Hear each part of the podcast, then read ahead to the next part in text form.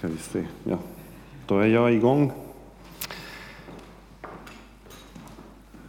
Det är domsöndagen idag. Domsöndagen. Och enligt den svenskkyrkliga traditionen och katolska kyrkan så predikas det om, om, dom, eh, om det yttersta domen överallt. I alla fall i de kyrkor som fortfarande tror på det. Så, så jag är tacksam att jag har blivit inbjuden att prata om det kristna hoppet idag. Och innan vi gör det så tänkte jag be en kort bön, så ska jag läsa bibeltexterna. Så Herre, tack för den här dagen. Tack att du ska komma tillbaka och återupprätta allting som är fel. Fel i samhället, fel i världen, fel i våra liv. Och att du kommer med härlighet och glädje och upprättelse. Och jag ber dig, Herre, att allt det som ska sägas idag, att du välsignar det som du vill välsigna och att det som sägs som kanske inte borde ha sagts, att du låter människorna här få glömma det ganska snabbt. Låt din vilja ske med allting. I Jesu namn. Amen. Då läser jag från Matteus evangeliet. Och ni har fått bara några av verserna, men jag kommer att läsa hela stycket. När Människosonen kommer i sin härlighet tillsammans med alla änglar, då ska han sätta sig på härlighetens tron och alla folk ska samlas inför honom. Och han ska skilja människorna som heden skiljer fåren från getterna. Han ska ställa fåren till höger om sig och getterna till vänster. Sedan ska kungen säga till dem som står till höger, kom, ni som har fått min faders välsignelse och överta det riket som har väntat er sedan världens skapelse. Jag var hungrig och ni gav mig att äta. Jag var törstig och ni gav mig att dricka. Jag var hemlös och ni tog hand om mig. Jag var naken och ni gav mig kläder. Jag var sjuk och ni såg till mig. Jag satt i fängelse och ni besökte mig. Då kommer de rättfärdiga att fråga, Herre, när såg vi dig hungrig och gav dig mat eller törstig och gav dig att dricka? När såg vi dig hemlös och tog hand om dig eller naken och gav dig kläderna? Och när såg vi dig sjuk eller i fängelse och besökte dig? Kungen ska svara dem. Sannerligen, vad ni har gjort för någon av dessa minsta som är mina bröder, det har ni gjort för mig. Sedan ska han säga till dem som står till vänster, gå bort ifrån mig. Ni förbannade till den eviga eld som väntar djävulen och hans änglar. Jag var hungrig och ni gav mig inget att äta. Jag var törstig och ni gav mig inget att dricka. Jag var hemlös och ni tog inte hand om mig. Jag var naken och ni gav mig inga kläder, sjuk och i fängelse och ni besökte mig inte. Då kommer också det att fråga, Herre, när skulle vi ha sett dig hungrig eller törstig eller hemlös, eller naken eller sjuk, eller i fängelse och lämnat dig utan hjälp? Då ska han svara dem, sannerligen, vad ni inte har gjort för någon av dessa minsta, det har ni inte heller gjort för mig och dessa ska gå bort till evigt straff som är det rättfärdiga. Som evigt straff, men det är rättfärdiga till evigt liv. Så lyder Herrens ord, brukar man säga.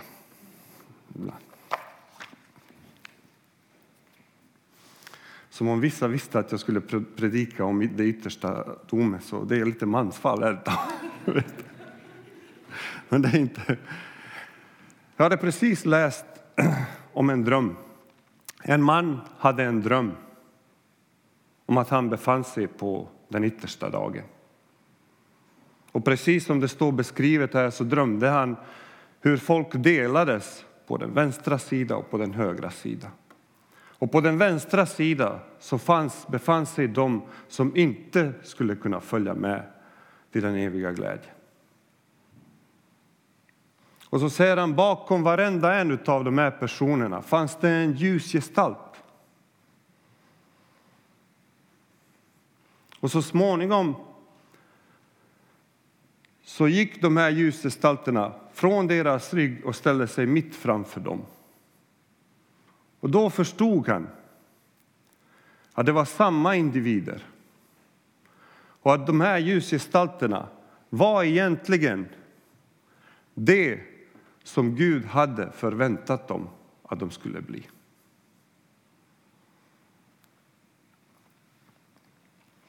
Så föreställningarna om domen, den så kallade domedagen, eller Jesus återkomst, det varierar. Många drömmer om det, många har visioner, många pratar om det, samtalar, några är mycket intresserade, andra är mindre intresserade av det. Några tror inte att det är sant. Och ibland de som tror att det är sant har svårt att inte genast ge sig in och börja lista ut när det ska hända, till exempel om Jesus kommer tillbaka, när i så fall ska det hända. Så det är ett engagerande ämne. Och på senare år så har det gjorts ett antal filmer, både inom Hollywood och generellt. Böcker har getts ut eh, och skrivits ut och blivit bästsäljare genom året. Och ämnet är väl producerat på Youtube och på internet. Och för några år sedan så genomfördes det också en undersökning bland kristna i USA inom samma ämne. Ungefär hälften av USAs kristna svarade att de tror att Jesus kommer tillbaka inom 40 år.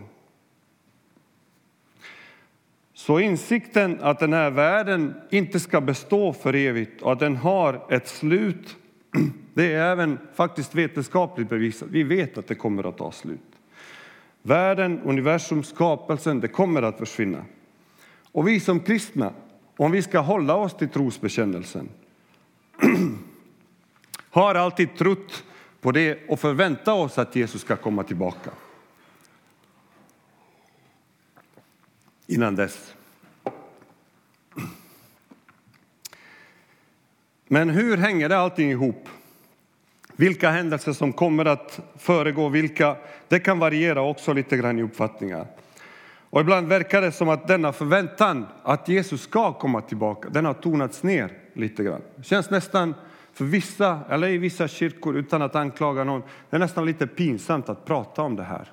Att vi förväntar oss att Jesus ska komma tillbaka. Och det har tonats ner, ungefär som om Jesus har dröjt lite för länge.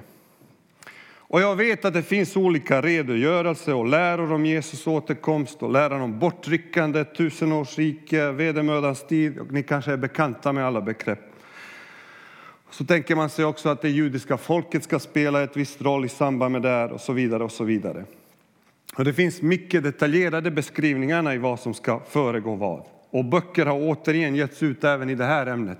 En av de här serierna som har getts ut, Left behind, kanske någon känner eh, till. Där går man väldigt detaljerat om vad som kommer att hända innan Jesus kommer tillbaka.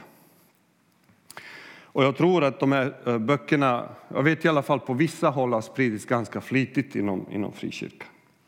Men min uppfattning är ganska enkelt i frågan, och med respekt för alla de som tycker annorlunda, vill jag redan nu förklara att i min teologiska förståelse, alltså yttersta domen, domedagen och Jesus återkomst, det hänger ihop.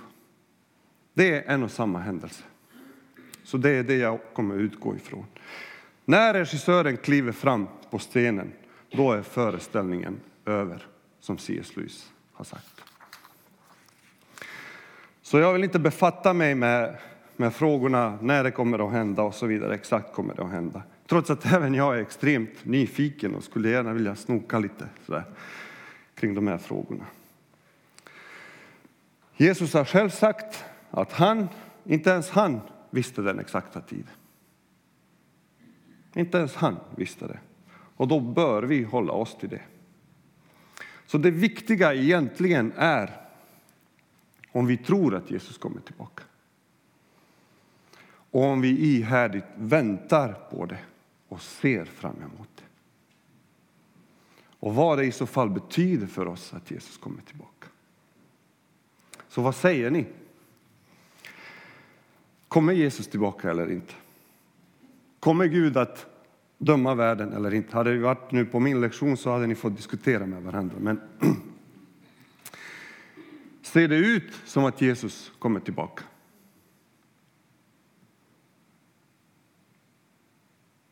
Ser det ut som att Gud kommer att göra upp med det onda? Eller tänk så här. Tänk om det vore så att Jesus inte kommer tillbaka att allting är ett påhitt. Hur skulle det påverka på oss, på dig, på ditt liv? Hur skulle det se ut framöver? Det finns som sagt folk som tycker det är pinsamt att prata om att Jesus ska komma tillbaka, om, om, om Jesu återkomst. Men om det, om det är sant så finns det inte någonting större eller viktigare nyhet som man kan förmedla för människorna runt omkring oss. Och det här är ju väl förankrat också i, i, i skriften. Precis som i Gamla testamentet är full av profetior om Kristi första ankomst så är båda testamenten fyllda med referenser till Kristi andra ankomst. Så man kan inte bortförklara det här. En forskare har uppskattat att det finns 1845 referenser till Kristi återkomst i Gamla testamentet. Där 17 böcker till exempel, det är centralt för de här 17 böckerna. Och i Nya testamentet, i 260 kapitel i Nya testamentet finns det 318 referenser till Kristi andra advent. Så för varje profetia i Bibeln om Kristi första ankomst finns det åtta stycken som ser fram emot hans andra ankomst. Så läran om Jesus om Jesu återkomst är ytterst central. Och det tycks vara omöjligt att hålla kvar på någon av Kristi gudomlighet eller sanning i den kristna uppenbarelsen om vi överger eller ständigt tiger ihjäl föreställningen om Kristi återkomst. Vilket vi, vilket vi utlovats eller varnats för. Eller om man ska tala då med Petrus ord. Han befallde oss, han befallde oss att predika för folket och vittna om att han är den som Gud har utlovat till domare över levande och döda. Han befallde oss.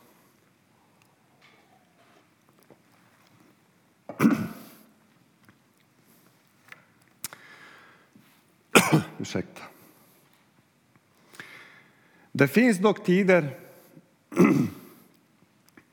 då det känns som om världen med snabba steg går mot sin egen undergång. Och att det inte går att se något positivt slut på det. När det onda tar överhand, vilket ofta sker, och när det ser mörkt ut, när orätten trycker på och när det ser ut som att det inte finns någon rättvisa i världen, att rättvisan aldrig någonsin kan segra, då är det lätt att någon tycker att det förefaller hopplöst att Gud och att Gud har tappat kontrollen. Tv-rutorna är fulla av krigsdrabbade och gråtande oskyldiga individer. Lemlastade barn vars blickar genomborrar var och en av oss. Tidningssidorna är fulla av korruptionsskandalerna där de rika skor sig på fattigas bekostnad. Mer än 30 procent av internet används för pornografiskt innehåll.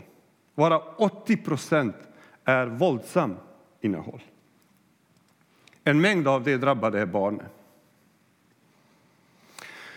Tre av de största industrier i världen som omsätter mest pengar det är vapenhandel, det är narkotikahandel och det är människohandel.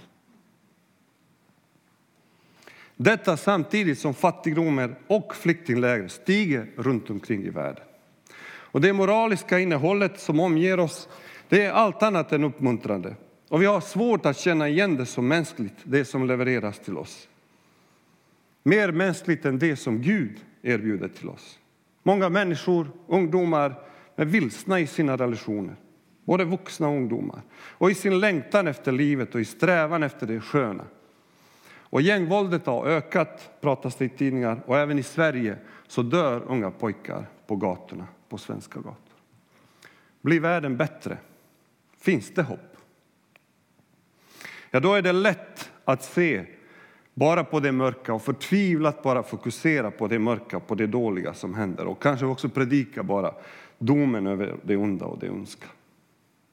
Men det finns också tider faktiskt då vi ser allt detta. Vi ser precis samma saker och då det inom oss reses ett starkt rop till Gud och att vi istället för förtvivlan och för att gräva ner oss deprimerat längtar och fokuserar på Guds rättvisa och, och, och inriktar oss på ett hopp om att allting ska återställas en dag, att allting ska upphöra det som är det dåliga. Längtan efter Guds rättvisa och dom det blir så mycket starkare vid de tillfällena. Alla människor som lider runt omkring i världen. Tänk dig situationen, alla kristna, alla förföljda kristna som har drabbats, som får kyrkorna som bränns, människor som flyr på flykt, som inte vet om de kan få sova över en natt till i sina hem. Under flera år har vi följts av nyheterna om det hemska brott som IS till exempel har begått. Ibland genom att bränna levande sina fångar, bara därför att antingen att de är isider eller kristna eller att de inte följer den, den uh, islamiska lära som de följer. Så spelar man in det och så lägger man upp det på nätet. Och brotten som är i samma klass som naziregimens, naziregimens brott mot den judiska befolkningen. Ska dessa offer aldrig få upprättelse? Käre Gud, hur länge ska det pågå? Hur länge ska sanningen förtryckas? Den undervinner. Hur länge ska de oskyldiga lida? Käre Jesus, hjälp.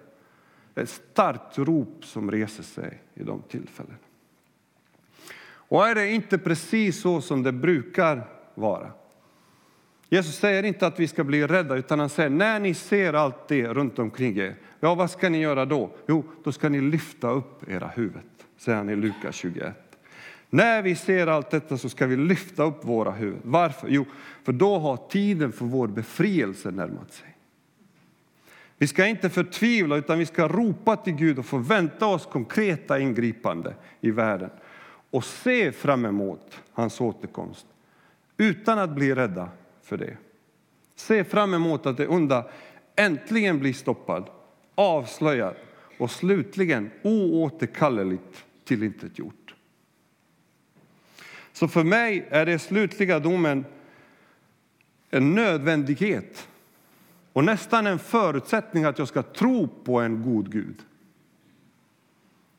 Om det inte finns någon slutlig rättvisa, då, då är det svårt att tro på en god Gud. En Gud som inte kommer att blunda för ondskan, utan utrota den. Det är ett hopp om en Gud som inte drar sig undan utan ska bevisa riktigheten faktiskt i sin rättrådighet och sina planer. Och den slutliga, högsta, opartiska rättvisan det är väl ändå någonting som vi alla ser fram emot. Någonting som vi längtar efter, någonting som vi vill. Så om Gud inte, inte finns till exempel och inte skulle döma världen så som det står vid ett tillfälle i Dostojevskij, så är allting tillåtet. Inga handlingar skulle kunna bekräftas ha någon högre moraliskt värde eller objektivt gott värde. Så skulle till exempel Moder Teresas och Hitlers liv kunna likaställas och deras handlingar skulle kunna vara lika om det inte finns någon rättvisa, slutlig rättvisa. Så därför ser jag, och jag tror vi, fram emot den dagen då rätten ska skiljas från orätten. Då alla oskyldigas böner äntligen blir bekräftade. Alla tårar som har fällts i ensamheten ska bli tröstade. Alla rop om hjälp som aldrig blev besvarade ska besvaras. All smärta som aldrig blivit helad eller läkt ska en dag få sitt erkännande upprättelse i universums klaraste ansikte vars enstaka blick eller ord räcker för att allting ska bli helad och återupprättat. Skulle då inte Gud skaffa rätt åt sina utvalda som ropar till honom dag och natt? Han lyssnar tålmodigt till dem, säger Jesus i Lukas 18. Och jag ser fram emot också att alla de krafter, känslor, lustar, viljor och allting annat som finns inom mig själv och som återkommande drar sorg över mig och inte får mig att leva så som jag oftast vill och så som Gud vill, att det äntligen ska upphöra. Se fram emot att den syndens krok som sitter så fast inte bara ska dras ut utan fullständigt förintas. Se fram emot att se Gud ansikte mot ansikte och se Jesus le mot mig. Så jag tror att vi egentligen innerst inne längtar och ser fram emot Guds bokstavliga inträde på stenen. Och är det inte så, så bör vi längta efter Guds rättvisa och befrielse, hans slutliga dom. Vi bör vänta på den. För ett antal år sedan när jag fördrevs hemifrån hamnade jag i en enklav som blev omringad av fiendesoldater på varsin sida. Vi befann oss ungefär som i en grop och kunde varken ta oss. Folk kunde varken ta sig in eller ta sig ut därifrån. Och på en liten yta som i en fågelbur och tillsammans med cirka 12 000 andra individer väntade jag där i fyra månader på att bli räddad, det vill säga att komma ut därifrån. Och för det mesta så gick dagarna åt att hitta mat och klara sig fram till nästa dag. Men det som framför allt ockuperade våra tankar hos var och en av oss, det var ovissheten om vi kommer ut levande därifrån eller inte. Om hjälpen var på väg. Vi blev lovade hjälp och hoppades på det och var jag än gick och i vilket sammanhang jag än satt så dök det alltid upp frågor. Var hjälpen på väg eller inte? Kommer konvojerna eller inte? Vad Har du hört någonting eller inte? Och ju längre tiden gick, ju svårare situationen föreföll att vara, desto större och viktigare frågan var faktiskt. För fiendesoldaterna återigen, de tryckte på från olika håll och närmade sig den här staden varje dag. För varje dag så kom de närmare och närmare. Och frågan var bara när de skulle inta även den här staden. Så kommer det någon konvoj eller inte? Kommer det att ta oss ut därifrån ur den här snaran som för varje dag drogs åt våra huvuden? Och bland några av de närvarande fanns det individer som ägde en sån gammal radioapparat. Vi kallar det för transistor. Ni vet, man kan ha det laddat på batterier och så går man runt med den och så finns det en antenn. Så finns det ett litet hjul så som man kunde skruva för att komma åt rätt frekvens. Och det som också ibland var man var tvungen, man kunde inte komma åt uh, mottagningen rätt så bra, så man var tvungen också att ställa sig på vissa olika håll för att komma åt och kunna lyssna på nyheterna. På, på olika nyhetsliv. Och så kunde man på olika håll kunde man se samlingar av män som liksom lutande, en som håller i den här transistorradion och så är det ett antal runt omkring dem som lutande lyssnade på, på nyheterna lyssnade på den här apparaten. Dels lyssnade på alla hemskheter som pågick runt omkring alla och om städer som föll i fiendens hand. Men framför allt lyssnade på olika tecken, letade olika tecken på att situationen var på väg att förändras och längtade att få höra någonting som tydde på att vi höll på att bli befriade. Och då och då spred sig faktiskt olika rykte om att konvojen var på väg att lastbilarna var precis utanför stadens gräns. Och flera gånger var det falska nyheter som spred sig som en löpeld och skapade nästan hysteri bland vissa grupper samt besvikelse efteråt när man förstod att det var lögn. Och så pågick det i fyra månader. Ända fram till den dag då det mer eller mindre i sista sekunden innan staden intogs lastbilarna körde in, verkligen, i enklaven lastade på oss och mirakulöst räddade oss därifrån. Vi blev lovade att vi skulle bli räddade. Och vid flera tillfällen så såg det ut helt tvärtom. Men vi längtade. Vi vakade över varje minsta rykte som antydde att räddningen var på väg. Vi samtalade, vi bedrogs ibland, men till slut befriades vi ut ur denna fängelse och kom ut levande därifrån. Och idag står jag här och berättar om det. Kristus kommer tillbaka. Han kommer tillbaka. Och han kommer med makt och med härlighet. Och det kommer att bli hans konungliga ankomst som kommer att bli både personlig och fysisk. Så vi ska vaka, vi ska inte ge upp. Han har lovat själv att han kommer och uppmanat oss att vänta på honom. Och det är ett löfte värt att lita på och som sagt väl förankrad och central del i Bibeln och i den kristna trosbekännelsen. Vare sig vissa tror det, predikar om det eller inte. Och det som är också bland det viktigaste, det är att det är Kristus som är utvald att bli den slutliga domaren. Inte jag, inte du, inte andra människor, ingen annan, utan Kristus är utvald att bli den slutliga domaren över levande och döda. Men jag vet, här finns det två saker som jag tror att vi människor generellt har svårt med och därför kanske också har svårt att längta efter Jesu återkomst. Det första är att vi omedelbart, när vi hör ordet dom, lägger in en negativ värdering i det och istället hör ordet straff. Vi lägger in, förstår ni vad jag menar?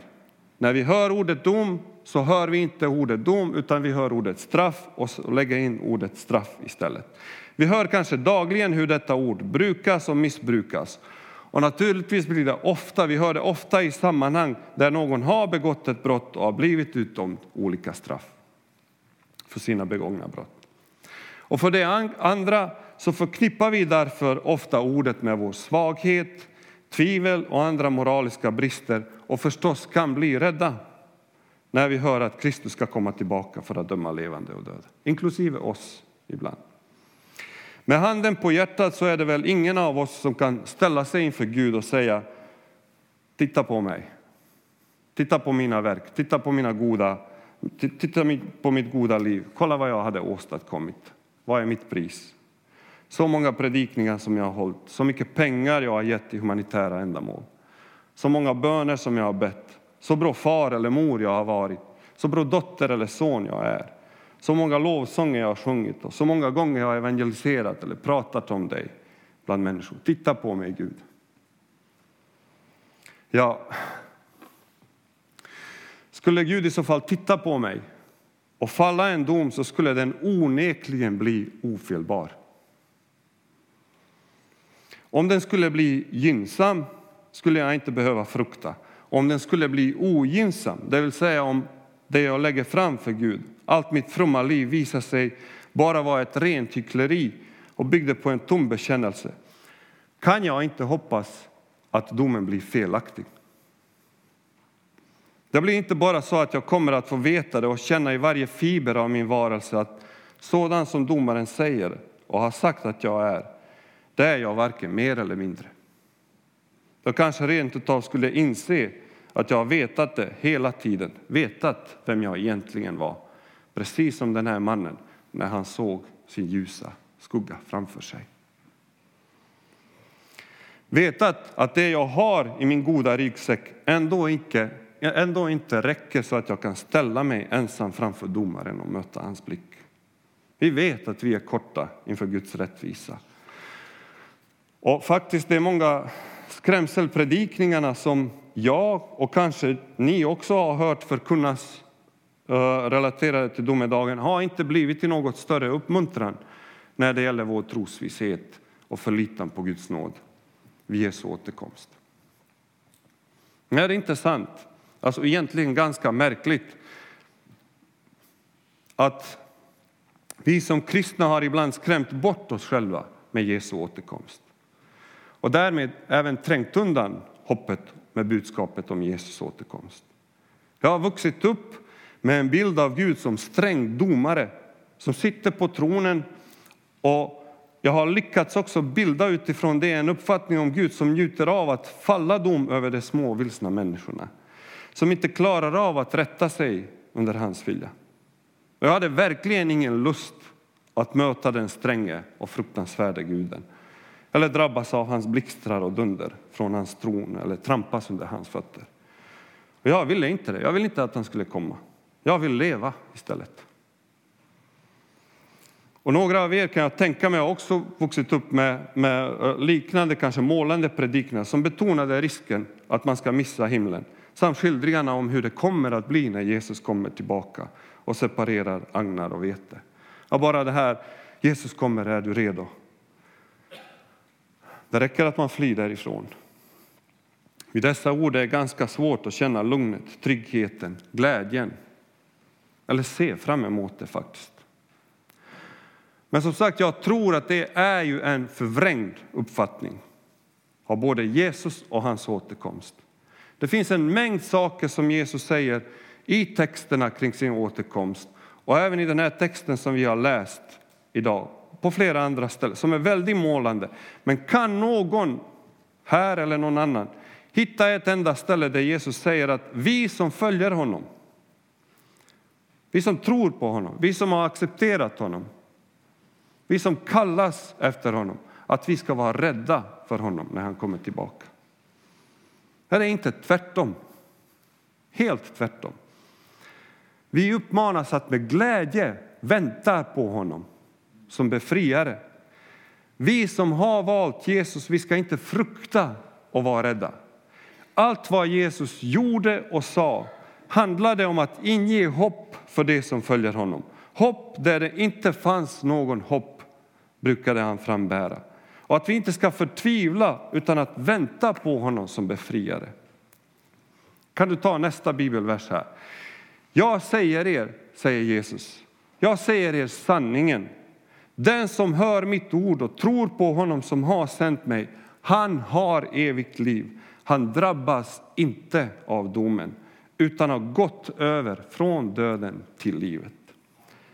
Allt Jesus gjorde och sa är att visa att vi är accepterade och älskade, inte förkastade av Gud inför vilken vi behöver ställas. Och löftet om härligheten, om det eviga livet som vi precis har läst, det är ett löfte om att en del av oss, det som verkligen gör ett val, att det faktiskt, vilket är nästan ofattbart och kan ske endast genom Kristus, att, att det faktiskt ska överleva denna granskning. Det som gör valet, det som följer Kristus, det ska bli godkända, det ska bli välkomnande. Det ska behaga Gud, det är älskade av Gud. Och det kommer att vara orsak till den gudomliga glädjen, inte för sorgen. Och just det här, det kan vi välja just i det här ögonblicket. Vi behöver inte vänta på det här. Därför säger Kristus så starkt att vi ska vänta och se fram emot hans återkomst. Han vill vara med oss. Därför att han i första hand inte kommer för att döma oss som följer honom, utan för att rädda oss. Ja, oss som inte klarar av att leva, göra, tala gott och så vidare. Vi har redan fått del av vår dom på hans kors och vi kommer att vara anledning till Guds och änglarnas glädje. Det som ska och bör vara rädda, det är hans uttalade fiender. Det som ska och bör vara rädda, det är Kristi uttalande fiender. Inte vi som försöker leva som Gud vill att vi ska leva, men trots alla våra ansträngningar inte klarar av det. Men den dagen, den ska vi äntligen utifrån Guds rättvisa förklaras som fria och rättfärdiga, träda fram inför honom och dela det livet som han har förberett för oss. Så jag själv hoppas och tror därför, om jag skulle få den här frågan, titta på mig eller titta på mig. Jag hoppas just därför att min frälsare lever, att då jag ställer mig framför domaren, att jag ska rikta blicken bort ifrån mig och svara, Fader, titta på din son, inte på mig. Titta inte på mina synder. Titta på vad din son har gjort och se till min tro i förtröstan på honom som min företrädare. Så jag hoppas att Människosonen, när han kommer tillbaka, ska finna denna tro hos mig och att Jesus ska svara, han är min.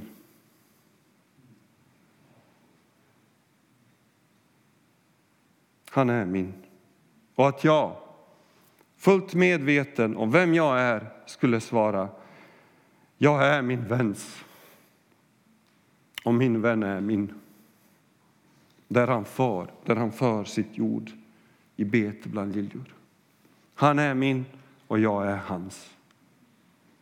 Hoppas Människosonen, när han kommer, trots allt det mörka som trycker på oss och som vill förhindra oss att vi ska hoppas och förvänta på Jesus, att Jesus ska finna denna outtröttliga tro på jorden.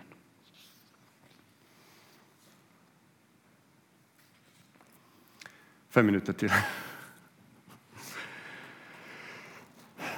Så för att upprepa vad jag sagt tidigare så tycker jag att Jesu återkomst och den slutliga domen är en nödvändighet. Det blir en offentlig demonstration och upprättelse av Guds rättvisa, vilja och makt. Och det kommer slutligen att bevisa också riktigheten i Guds fullkomliga rättrådighet. Gud hade rätt för vad han gjorde och hur han gjorde. I en syndig värld där Gud har låtit alla helna folk gå sina vägar, låtit ondskan breda ut sig till den grad att folk ifrågasätter Gud som allsmäktig, rättvis och rättfärdig, ska Gud visa att offentligt helt att han är rättvis i sina planer oavsett hur det utspelade sig eller föreföll för oss. Och fast det kan tyckas att det finns, och det gör ju det också, tusen vägar som människan skulle kunna vandra genom världen, finns det ingen som förr eller senare inte leder till ett möte med antingen det mest dyrkansvärda eller det mest fruktansvärda ansiktet som man måste ställa sig inför. Det vill säga att ställa sig inför Herrens ansikte. För att se hur vi har förvaltat vårt syfte, den avsikt som Gud har gett till oss. För till slut måste det ansikte som är universums början och slut, dess fröjd eller fasa, vändas mot var och en av oss, antingen med en viss uttryck eller med ett annat. Antingen för att förmedla en osädlig härlighet eller för att inge en skamkänsla som aldrig kan läkas eller döljas. Och på den yttersta dagen så tror jag att Gud kommer att, att det var ett tillfälle då Gud gör slut på alla tvivel om att, det kanske, om att han kanske har slutat intressera sig för rättfärdigheten, för rättvisa och för godhet i denna värld. Så det finns trygghet och hopp att det är Kristus som är den slutliga domaren som kan förändra allting för oss och som kan upprätta oss. Och det finns en bild som jag tror är den mest talande bilden för Kristi återkomst. Och det skildras i Apostlagärningarnas första kapitel. Efter den tiden som Jesus hade tillbringat med sina lärjungar så går han ut med dem och så går de till Olivberget och då är det dags att de ska skiljas. Och när de ska skiljas så går Jesus ifrån lärjungarna och blir upptagen i ett moln välsignande lärjungar. Vi har ju ofta den här bilden där Jesus sprider ut sina händer och välsignar sina lärjungar medan han försvinner. Och när han försvinner från deras åsyn så står det två änglar, två ljusgestalter bredvid. Vad är det de säger? Vad är det de säger? Ja. På samma sätt så som han togs ifrån er så kommer han tillbaka. Och Det här kan vi tolka olika, men jag tolkade att det är precis på samma sätt. När Jesus kommer tillbaka så blir det välsignande och inte förskräckande. Så jag tackar dig, Herre, för att du ska komma tillbaka. Jag tackar dig att du har koll på alla världshändelserna. Jag tackar dig att du inte har övergivit världen. Jag tackar dig att du älskar oss. Jag tackar dig att du ska återupprätta alla som sörjer, alla som lider, alla som längtar efter den slutliga rättvisan. Jag tackar dig att du är vår Herre och jag tackar dig att du ska komma tillbaka för att befria oss och för att föra välsignade, välsignelse med dig över oss allihopa. Tackar vi dig i Jesu Kristi namn. Amen.